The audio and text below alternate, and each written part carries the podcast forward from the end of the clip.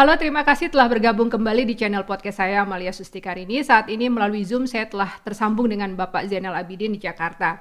Bapak Zainal Abidin atau yang lebih akrab dipanggil Bang J, saat ini menjabat sebagai Group Head Agro Dompet Duafa setelah sebelumnya menjabat sebagai Rektor Institut Kemandirian dan Direktur Social Entrepreneur Academy di Dompet Duafa.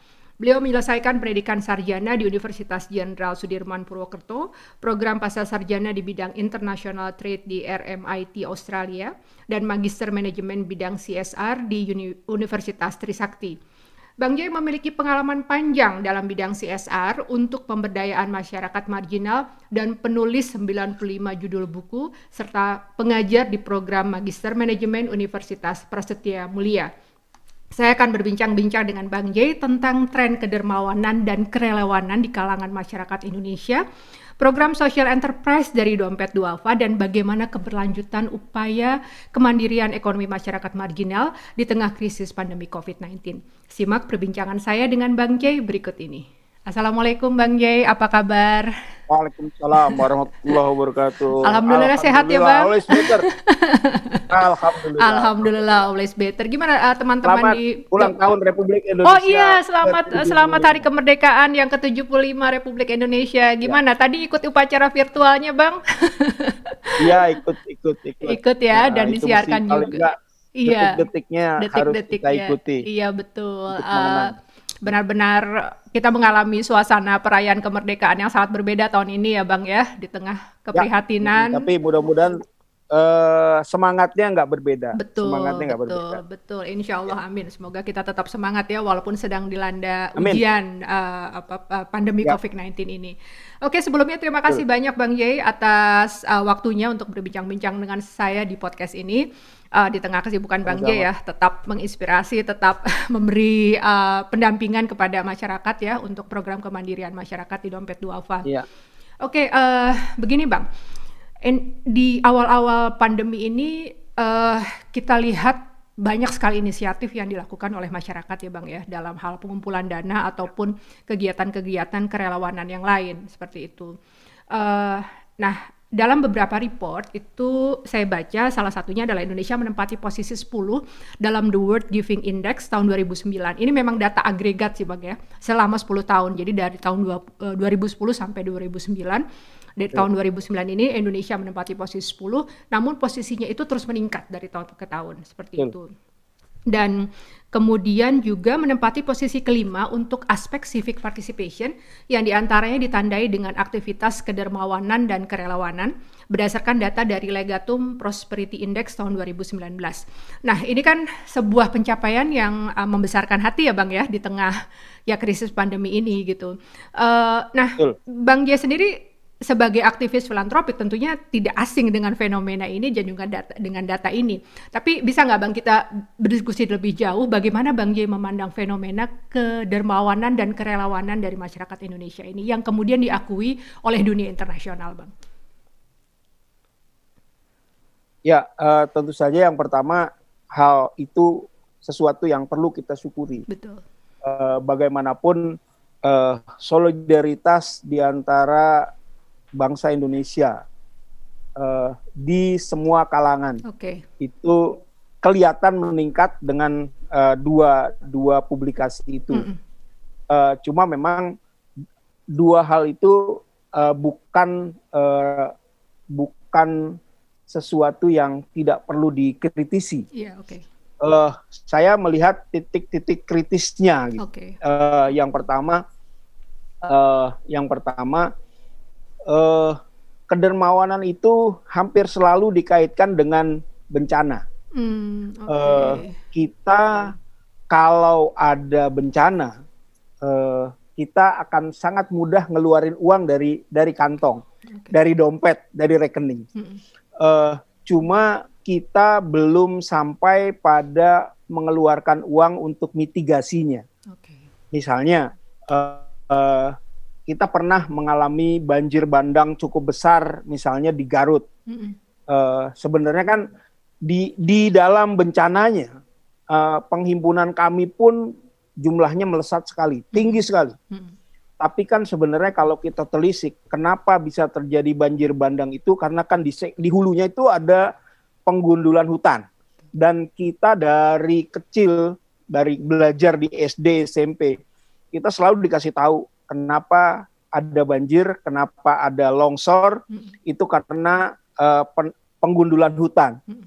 Nah, mestinya kan selain kita terpanggil untuk menyumbang uh, ketika terjadi bencana longsor itu, uh, mestinya juga kan kita harusnya terpanggil dengan melakukan penanaman di sektor hutan. Misalnya dananya itu di, digunakan juga untuk menanami hutan-hutan yang gundul itu. Okay.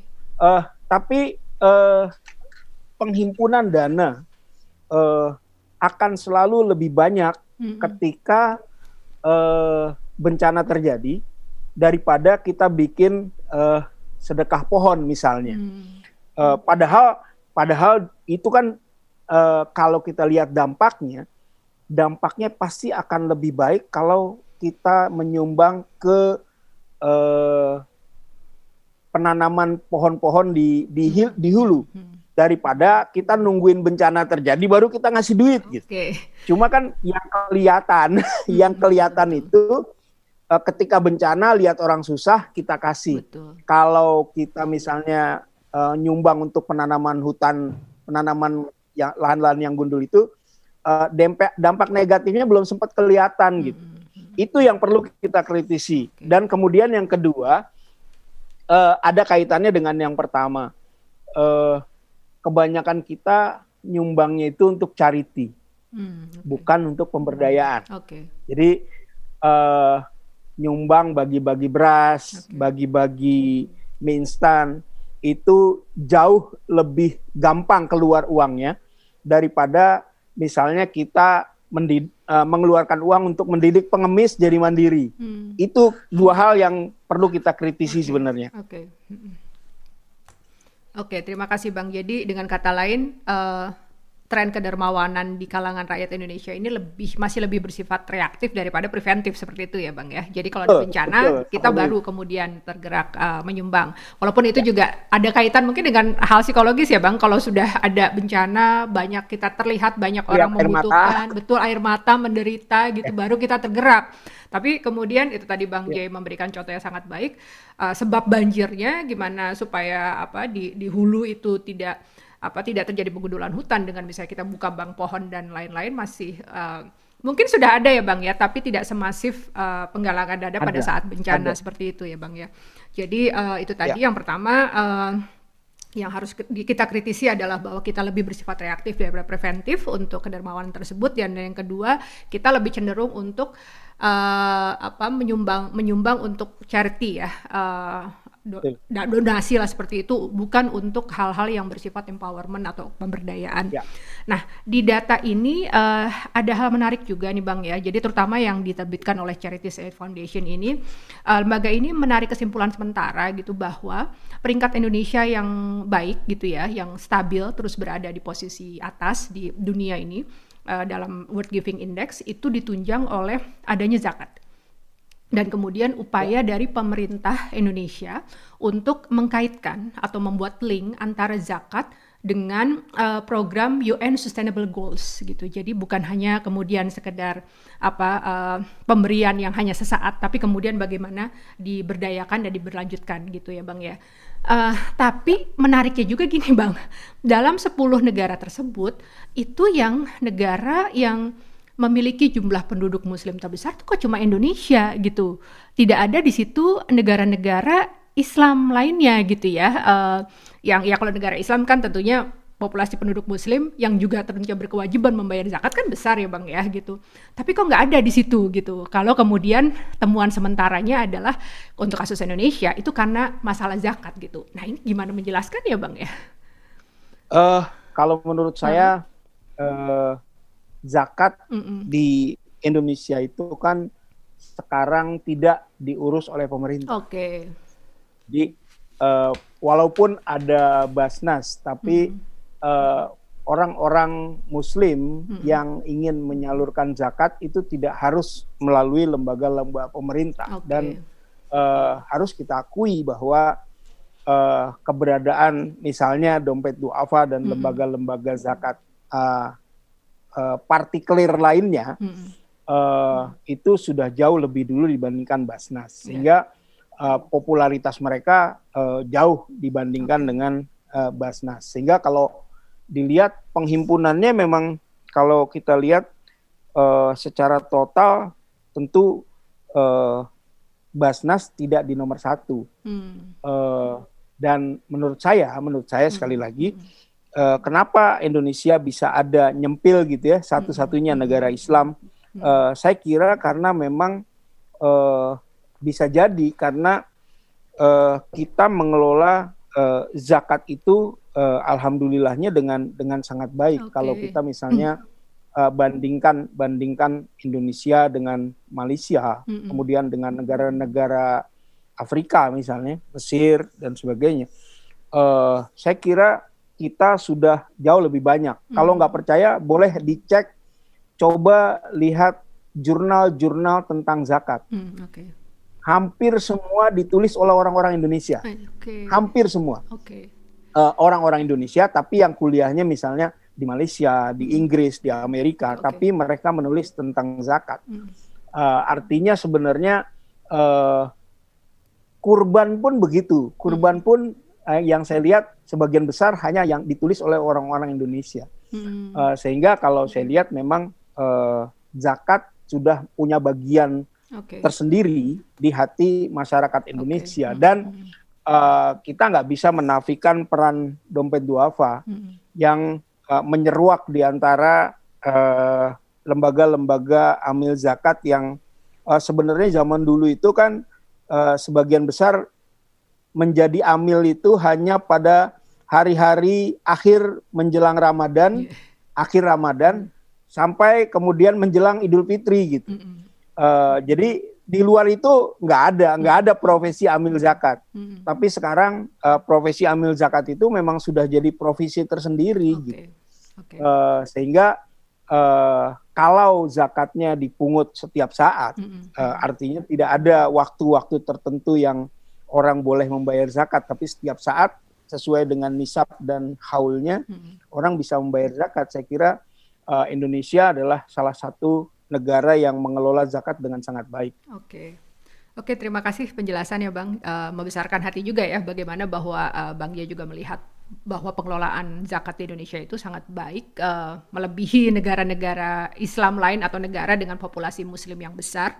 Dan mungkin ini Bang ya. Uh, itu tadi Bang Jay juga menyebutkan bahwa ada organisasi lain yang juga sangat berperan di sini selain pemerintah dalam pengelolaan zakat dan fungsi sosialnya mungkin juga jadi sangat tinggi ya Bang di sini pengelolaannya sehingga berkorelasi ya. positif itu tadi dengan uh, tingkat kedermawanan itu tadi ya. Jadi uh, ya ini satu hal yang ya. Tentunya sangat perlu kita apresiasi gitu. Dan tadi Bang Jay betul banget biasanya kita kalau zakat ingetnya udah kadang berapa jam tuh sebelum ini ya Bang ya.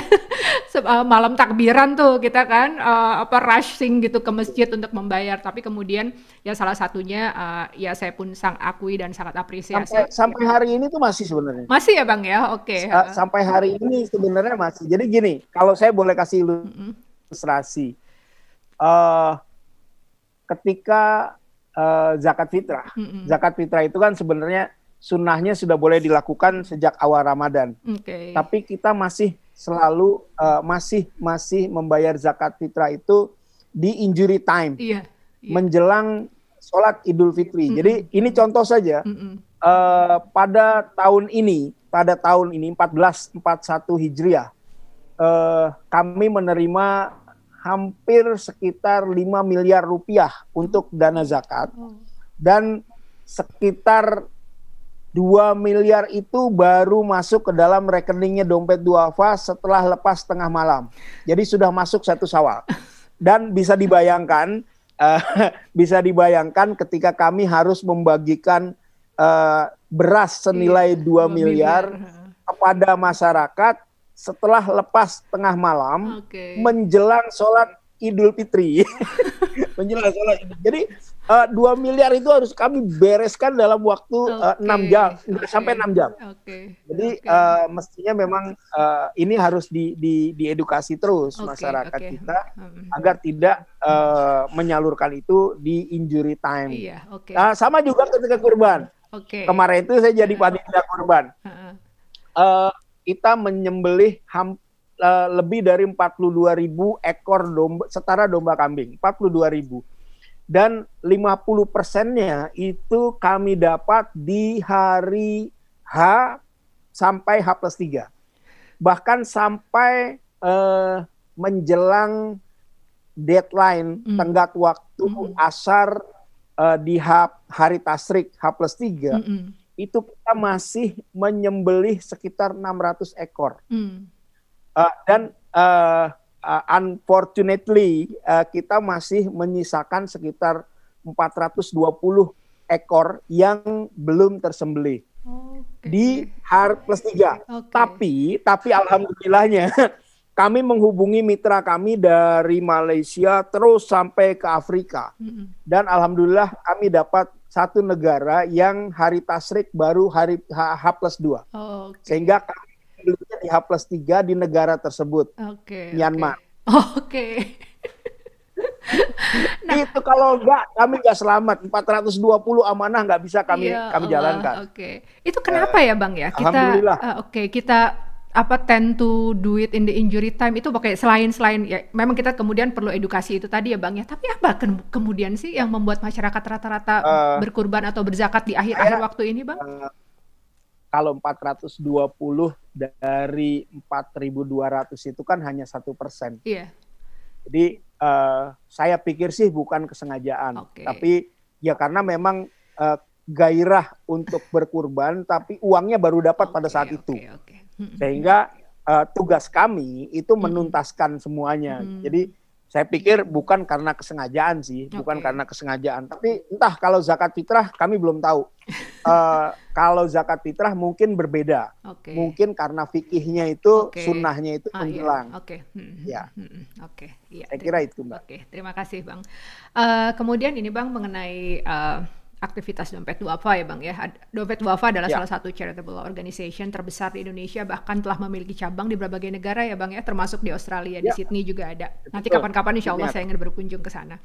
Amin. Nah, sejak tahun 2014 ya Bang ya, uh, Dompet Duafa itu kan semakin fokus mengembangkan sayap bisnisnya atau uh, social enterprise-nya ya Social ya, enterprise. Ya? Oke. Okay. Ya. Nah, uh, unit bisnis apa saja yang dikembangkan oleh Dompet Duafa Bang dan saya ingin tahu uh, prinsip utama dari pembangunan unit bisnis sebuah lembaga apa uh, nirlaba ya seperti seperti dompet duafa ya. ini sebetulnya apa? Karena biasanya kan kita mengenalnya CSR nih, kan Bang Gia juga ya. CSR specialist nih, perusahaan kemudian ya. membuat program-program kedermawanan itu tadi ya, baik itu charity maupun yang bersifat pemberdayaan. Nah, tapi kan ini kayaknya kayak dibalik ya Bang ya, dompet duafa kan berfokus dulu ya. pada apa mm, yang memang kemudian uh, nature-nya adalah yayasan, lembaga non-profit, tapi kemudian mengembangkan saya, saya bisnisnya, Bang. Boleh diceritakan sedikit, Bang, gimana kemudian uh, ya, Dompet Duafa uh, mengembangkan hal ini? Uh, Dompet Duafa memulai uh, sayap bisnis mm -hmm. dengan DD Corpora pada waktu 2008 okay. atau 2009. Oke. Okay. Uh, pada waktu itu memang kami masih sangat konservatif. Mm. Artinya gini, uh, kami masih uh, berpendapat masih menggunakan fikih bahwa dana zakat itu tidak boleh digunakan hmm. untuk berbisnis. Oke. Okay. Uh, kecuali kecuali dana yang memang menjadi hak amil. Oke. Okay, ya. Sehingga uh, dana yang kami gunakan untuk berbisnis adalah dana bagian dari hak amil yang besarnya 12,5 persen dari seluruh perolehan zakat infak sedekahnya okay. dompet duafa. Hanya 12,5 persen. Itu di setelah gaji karyawan diselesaikan hmm, kewajiban-kewajiban hmm, hmm, iklan dan sebagainya itu pun diselesaikan sewa kantor beli mo beli mobil dinas dan sebagainya itu sudah dibayarkan dulu. Sehingga uh, kami uh, sangat konservatif di dalam hal ini. Bahkan sampai tahun 2015 kami masih Eh, nggak uh, boleh menggunakan 12,5 persen itu full. Okay. Artinya hanya di 10-11 persen. Hmm. Jadi nggak nggak boleh 12,5 itu dihabiskan. Sampai kemudian uh, kami melihat bahwa uh, kami perlu rumah sakit karena pada waktu itu pada waktu itu belum ada layanan rumah sakit yang gratis sehingga kami dompet duafa bikin rumah sakit RST rumah sehat terpadu Rumah sehat di Parung. Di Parung. Ya. Uh, di sana. Jadi karena domain di Indonesia, nomenklatur di Indonesia nggak boleh rumah sehat, okay. harus rumah sakit okay. gitu. Akhirnya jadi rumah sakit, sakit rumah, rumah sehat, sehat terpadu. Oke. Okay. uh, itu uh, sekitar 2000 uh, agak lama 2011 2012 belum hmm. ada BPJS belum hmm. ada Jamkesmas dan hmm. di sana layanannya boleh dibilang uh, semua layanan uh, kesehatan ada, ronsen, kemudian hmm. untuk operasi juga lengkap. Yang nggak ada cuma satu, kasir. Karena uh, penikmat layanan di sana kalau sudah pilihannya cuma dua, kalau nggak sembuh meninggal boleh pulang. Uh, jadi uh, kami bikin itu dan dengan adanya BPJS akhirnya kami pun uh, menyelenggarakan layanan tersebut. Hmm. Artinya sekarang ada kasir, tapi uh, itu untuk pasien-pasien yang memang berbayar. Yang tidak berbayar tetap menggunakan kartu BPJS dan kami jadi lebih mudah melayani uh, para duafa karena dengan hanya tidak perlu menanggung seluruh biaya rumah sakit tapi membayarkan biaya BPJS-nya saja. Uh, nanti kita nagih ke, ke pemerintah. Ya. Itu satu sayap bisnis uh, dompet duafa ya di rumah sakit. Kemudian kami juga masuk ke core bisnis yang uh, menjadi tulang punggung pendapatan hampir sebagian besar penduduk Indonesia. Karena uh, katanya kan waktu kita masih kecil Indonesia adalah negara agraris gitu kan. Uh, petani dan sejenisnya petani orang pekebun kemudian nelayan itu masuk dalam kategori itu. Dan hampir sebagian besar mereka memang masuk dalam kategori miskin. Sehingga kami pun berbisnis di sana. Uh, bukan dengan bisnis ansih, tapi kami memang bisnis yang memberdayakan sehingga hmm. akhirnya kami bisa ini sekarang yang jadi bahan uh, untuk beberapa jurnal saya ke depan adalah bagaimana mengubah uh, tahapan masyarakat miskin menjadi masyarakat yang berdaya, menjadi uh, dari kaum uh, mustahik menjadi muzaki orang yang tadinya berhak menerima zakat menjadi orang yang uh, wajib berzakat. Uh, kami punya empat uh, tahapan gitu ya, empat tahapan. Yang pertama ini sedang saya tulis dalam jurnal.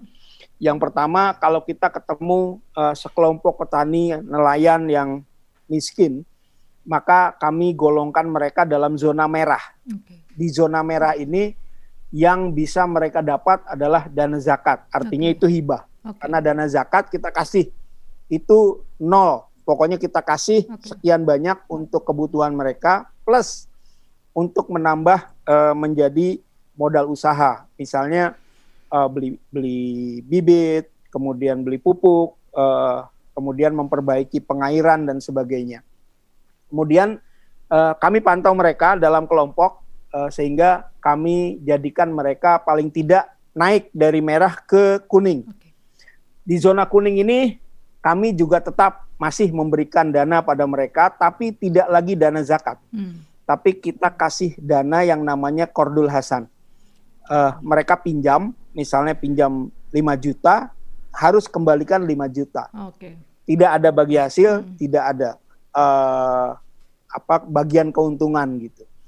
Uh, kita lihat lagi, mereka kita kelompokkan dalam satu kelompok koperasi, uh, kelembagaannya kita tata sampai kemudian mereka berubah jadi hijau. Hmm. Kalau sudah hijau, nah di sini dompet duafa berbisnis. Okay. Uh, eh, kami kasih modal ke petani lewat kelompok, kemudian dari dana itu uh, keuntungannya kita berbagi hasil. Bagian untuk kelompok taninya berapa, bagian untuk dompet duafa berapa. Dan di sini juga kami menjadi mitra yang menampung dan mengolah uh, hasil dari yang didapat oleh para petani untuk kita jual ke masyarakat. Uh, di sini dompet duafa mendapatkan margin. Sebagai contoh saja, uh, ketika pandemi di bulan Februari dinyatakan ini udah pandemi, uh, omset kami yang tadinya cuma 20-30 juta dalam satu hari jualan, uh, tiba-tiba langsung melesat sampai di atas 100 juta dalam satu hari. Uh, karena apa? Karena kita punya supply yang banyak di tingkat petani. Petani kan dulu kita bebaskan mereka mau jual di mana saja terserah. Yang penting kami dapat jatah untuk jualan. Tapi pada waktu itu tidak ada satupun pasar yang bisa menyerap produk petani. Hmm. Akhirnya kami yang serap semua dan alhamdulillah kami bisa memperbesar pasar dalam waktu yang sangat singkat. Okay. Uh, itu masuk akhirnya kami uh, mengubah dari penerima manfaat dari mengubah para petani atau nelayan dari penerima manfaat menjadi mitra. Tadinya cuma dapat cuma, uh, dana zakat saluran, tapi sekarang kami jadikan mereka mitra sampai kemudian uh, kita bisa naikkan mereka dari hijau ke gold, gold, ke peringkat emas. Kalau ke peringkat emas, kita akan carikan dana dari corporate, hmm. baik dari bank ataupun dari uh, lembaga investasi yang lain tahun ini satu contoh yang buat kita sangat baik. Kenapa uh, saya ingin cerita mungkin ini uh, mudah-mudahan tidak ujub, uh, mudah-mudahan ini juga uh, tidak tidak riak gitu ya.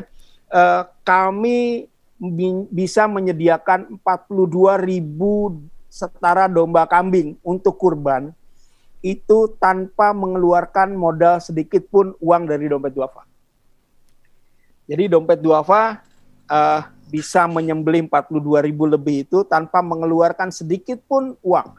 Karena uh, para petani kami menyiapkan domba kambing itu uh, dimodali oleh investor. Okay. In, uang investor kami salurkan kepada para petani, kami menjadi off takernya. Hmm. Berapapun jumlah yang dipelihara oleh petani Dibeli. atau peternak, kami bayar laku atau tidak. Hmm.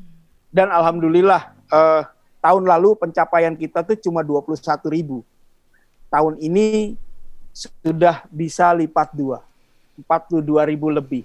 Dan saya pikir eh, ini seperti tadi survei itu kedermawanan kita sangat kelihatan ketika uh, terjadinya bencana. Okay. Dan ini jadi satu contoh yang yang sangat baik menurut saya. Okay. Begitu, Mbak. Oke. Okay.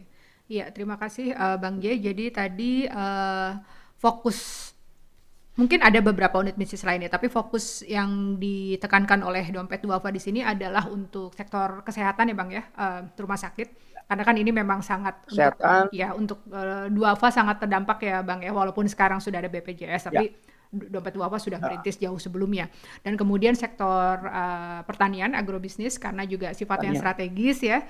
Penduduk kita banyak sebetulnya Betul. yang uh, menekuni bidang ini dan dompet duafa berusaha membuat kemudian, mm -mm. Saya ada ada beberapa lagi sebenarnya. Mm -hmm. Yang ketiga itu pendidikan. Pendidikan. Okay. Uh, kami punya satu sekolah uh, boarding namanya Smart, Smart Excellencia. ya. Satu teman ya. saya pernah jadi guru uh, di sana, Bang.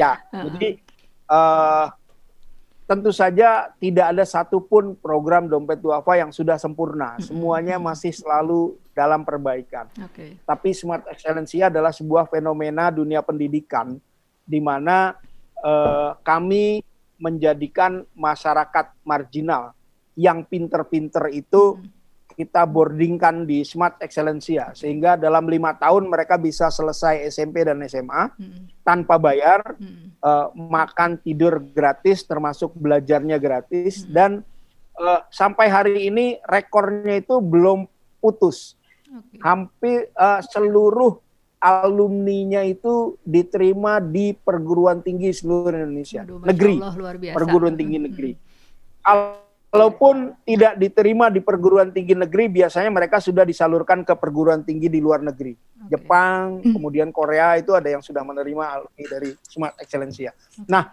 ini kemudian kami jadikan sebuah uh, pembelajaran uh, yang sekolah yang gratisan saja bisa kayak gini, apalagi yang, yang berbayar. Makanya kami ya kami punya sekolah Asukro di Pamulang, kemudian kami juga punya uh, sekolah smart di uh, Semen Cibinong. Okay. Artinya itu berbayar. Itu juga bisnis gitu. Dan kemudian kami juga uh, mulai mulai masuk karena pengalaman kemarin di di investasi akhirnya kami mulai mencoba untuk tahun depan kami akan masuk di investasi juga okay. keuangan gitu.